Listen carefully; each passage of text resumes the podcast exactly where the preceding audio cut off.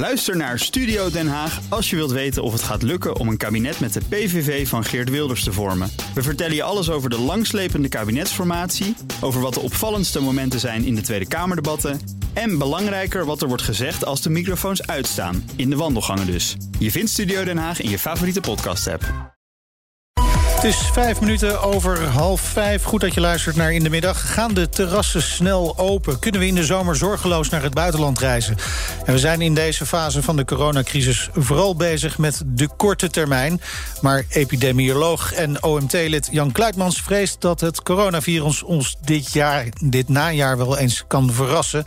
En daarom moeten we veel meer gaan testen. Ook thuis en op het werk.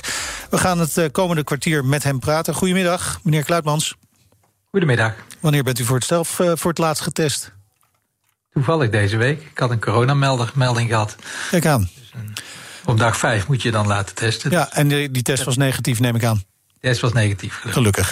gelukkig. Uh, u was vorig jaar veel in de media aanwezig, maar heeft zich even teruggetrokken uit de schijnwerpers om na te denken hoe we het beste uit deze crisis kunnen komen. Nou, u bent nu weer in de media, dus het antwoord uh, ligt klaar, neem ik aan. Nou, dat niet zozeer. Ik, ik heb me echt op het testen uh, gestort om te kijken hoe, uh, hoe we ons wat laagdrempeliger en makkelijker kunnen laten testen. En dat is dat thuistesten of zelftesten uitgekomen. Dat hebben we onderzocht en dat blijkt best wel betrouwbaar.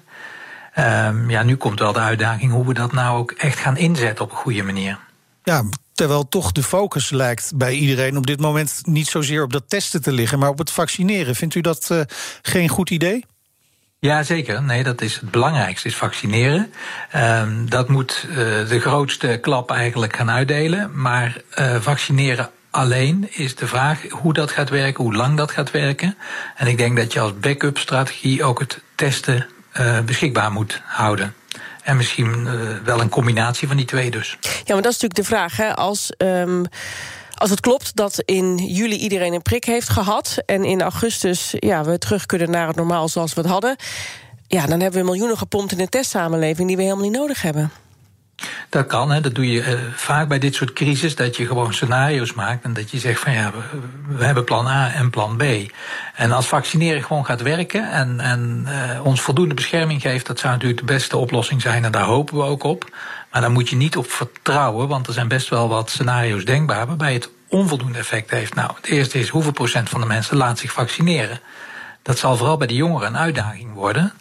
En als dat bijvoorbeeld onder de 65% uitkomt, dan zal dat virus actief blijven. En dan zullen een aantal dingen toch onveilig kunnen zijn. Maar dan zijn de meest kwetsbaren toch beschermd. En we hebben al deze maatregelen zodat zij niet in het ziekenhuis terechtkomen en sterven.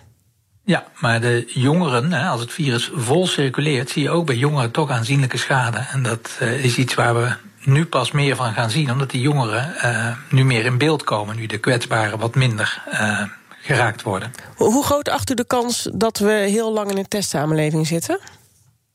Ja, in een echte testsamenleving, uh, dat vind ik moeilijk om dat te zeggen. Ik denk dat je het testen als een backup plan hebt. Kijk, we hebben gezien dat we. Ja, maar dat heb je toch als een backup plan, omdat je eigenlijk al uh, ergens een percentage van een vermoeden hebt dat het met het vaccineren, zoals u net ook al zei, misschien niet gaat lukken? Ja, of tijdelijk niet. Hè. Kijk, er kunnen escape-varianten komen. Dus varianten die niet goed reageren op het vaccin wat dan is toegediend. En dan moet je het vaccin aanpassen. En dat zal dan sneller gaan dan nu. Maar dat zal altijd maanden duren. En in die tussentijd zul je iets moeten.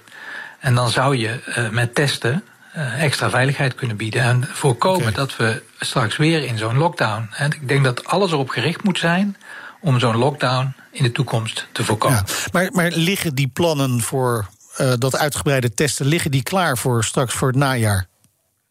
Nou, voor het najaar bij mij weten nog niet. Ik denk dat je daar nu aan moet werken, aan dit soort scenario's. En dan goed uitwerken. Nou ja, u zit in het OMT. Wat... Ja, het OMT is niet de enige die hiermee bezig is. Met de test, uh, uh, teststrategie, dat zit heel erg bij VBS. En bij de dienst testen. Ja. En je ziet dat deze experimenten die nu zijn van Field Labs... Die, zijn, die worden wel aan het OMT voorgelegd, maar die worden niet ontwikkeld door het OMT. Maar ik neem aan dat ze toch ook wel naar u luisteren als u zegt dat uh, ze nu de plannen moeten maken voor die testsamenleving in het najaar. Nou ik denk dat, dat we daar zeker met elkaar nu naar aan het kijken zijn. Maar ik denk dat er heel veel aandacht gaat naar het hier en nu en de, de problemen die zich iedere dag weer voordoen. En je moet ook af en toe eens even gaan kijken van hoe gaat het nou over een half jaar? En hoe kunnen we, als we straks gevaccineerd zijn, ik verwacht echt wel een rustige zomer. Dat, daar mag je echt wel op vertrouwen. Maar we hebben vorige keer ook gezien dat het toen in uh, augustus, september ja. alweer misging. Dat zal nu niet zo, die kans is niet zo groot, maar dat kan wel. En dan moet je weten hoe je reageert om te vermijden dat je weer in zo'n beklemmende uh, en vreselijke lockdown terechtkomt. Ja, e- even, want ik hou van perspectief. Uh, ik hoor u iets vrolijks zeggen, namelijk we verwachten een rustige zomer. Hoe moet ik dat interpreteren? Nou, de virus is in de zomer veel minder actief. Dat hebben we vorig jaar ook gezien. Hè. Er was er eigenlijk een. Als we nou kijken naar het afgelopen jaar, dan was de zomer de periode dat we op de terrassen konden zitten, naar het restaurant konden gaan. En eigenlijk is dat virus op een heel laag niveau actief gebleven, maar niet op een manier die uh, heel veel schade aanbracht. En nu hebben we de vaccins erbij. Ja, dan is het toch wel een hele gereden veronderstelling dat het een rustige zomer wordt. Een rustiger zomer dan vorig jaar. Dat, dat is in ieder geval een prettig... Ja, daar moeten we ja, wel alert zijn. Het is een prettig vooruitzicht van die zomer. Maar u zegt, we moeten wat verder gaan kijken naar het najaar. Ik wil toch even wat, wat, wat terug, want het duurt nog even voordat we in die zomer zijn. U had het al even over die field labs. Hè. En uh, in uw stad, Breda, staat over ruim een week... een, een behoorlijk groot testevenement gepland met 10.000 bezoekers. Hoe kijkt u daar naar? Ja. ja, vind ik wel... Uh een forse stap voorwaarts, zullen we maar zeggen, in deze Ja, dat klinkt heel positief in elk geval. ja, ik vind dit, uh, gezien de activiteit van het virus... en ik heb net nog eventjes in het uh, ziekenhuis gesondeerd hoe het nu is... ja, dat, dat lopen langs de rand. We zijn in control, maar wel op het randje. Ja, dan vind ik 10.000 mensen wel echt een hele grote stap. Dus zegt u eigenlijk misschien maar niet doen, iets minder mensen? Ja, ik vind, het, ik vind persoonlijk vind ik het een hele grote evenement. En dat je uh, van uh, wat we nu van ervaringen hebben met field labs, dat was toch echt aanzienlijk kleiner. En dit is, ik vind dit echt heel veel mensen op korte tijd bij elkaar. Uh, met testen haal je er wel een heleboel positief uit, maar niet allemaal. Dus er zullen tientallen mensen tussenlopen die besmettelijk zijn. Zo, als je de activiteit van het virus nu ziet. Ja, daar, daar zijn die sneltests dus niet voor geschikt... om dus dit soort hele grote evenementen voor mee te organiseren.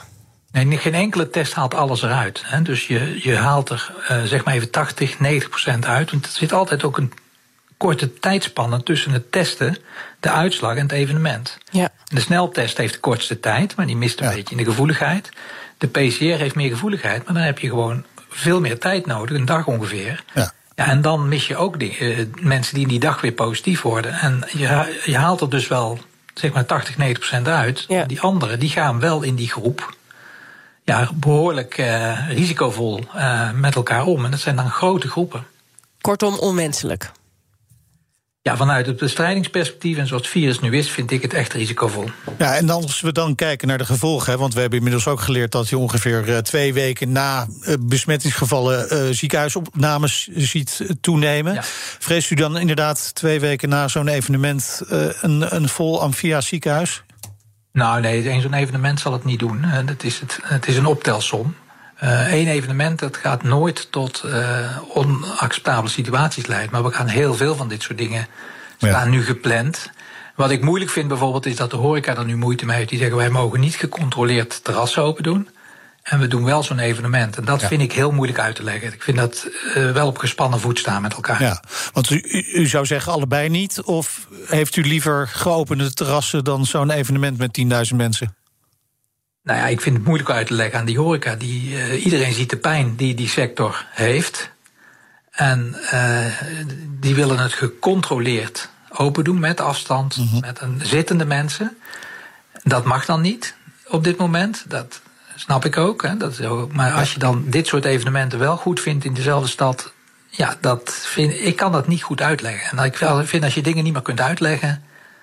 dan uh, is het heel moeilijk om dat beleid, om dat draagvlak voor te houden.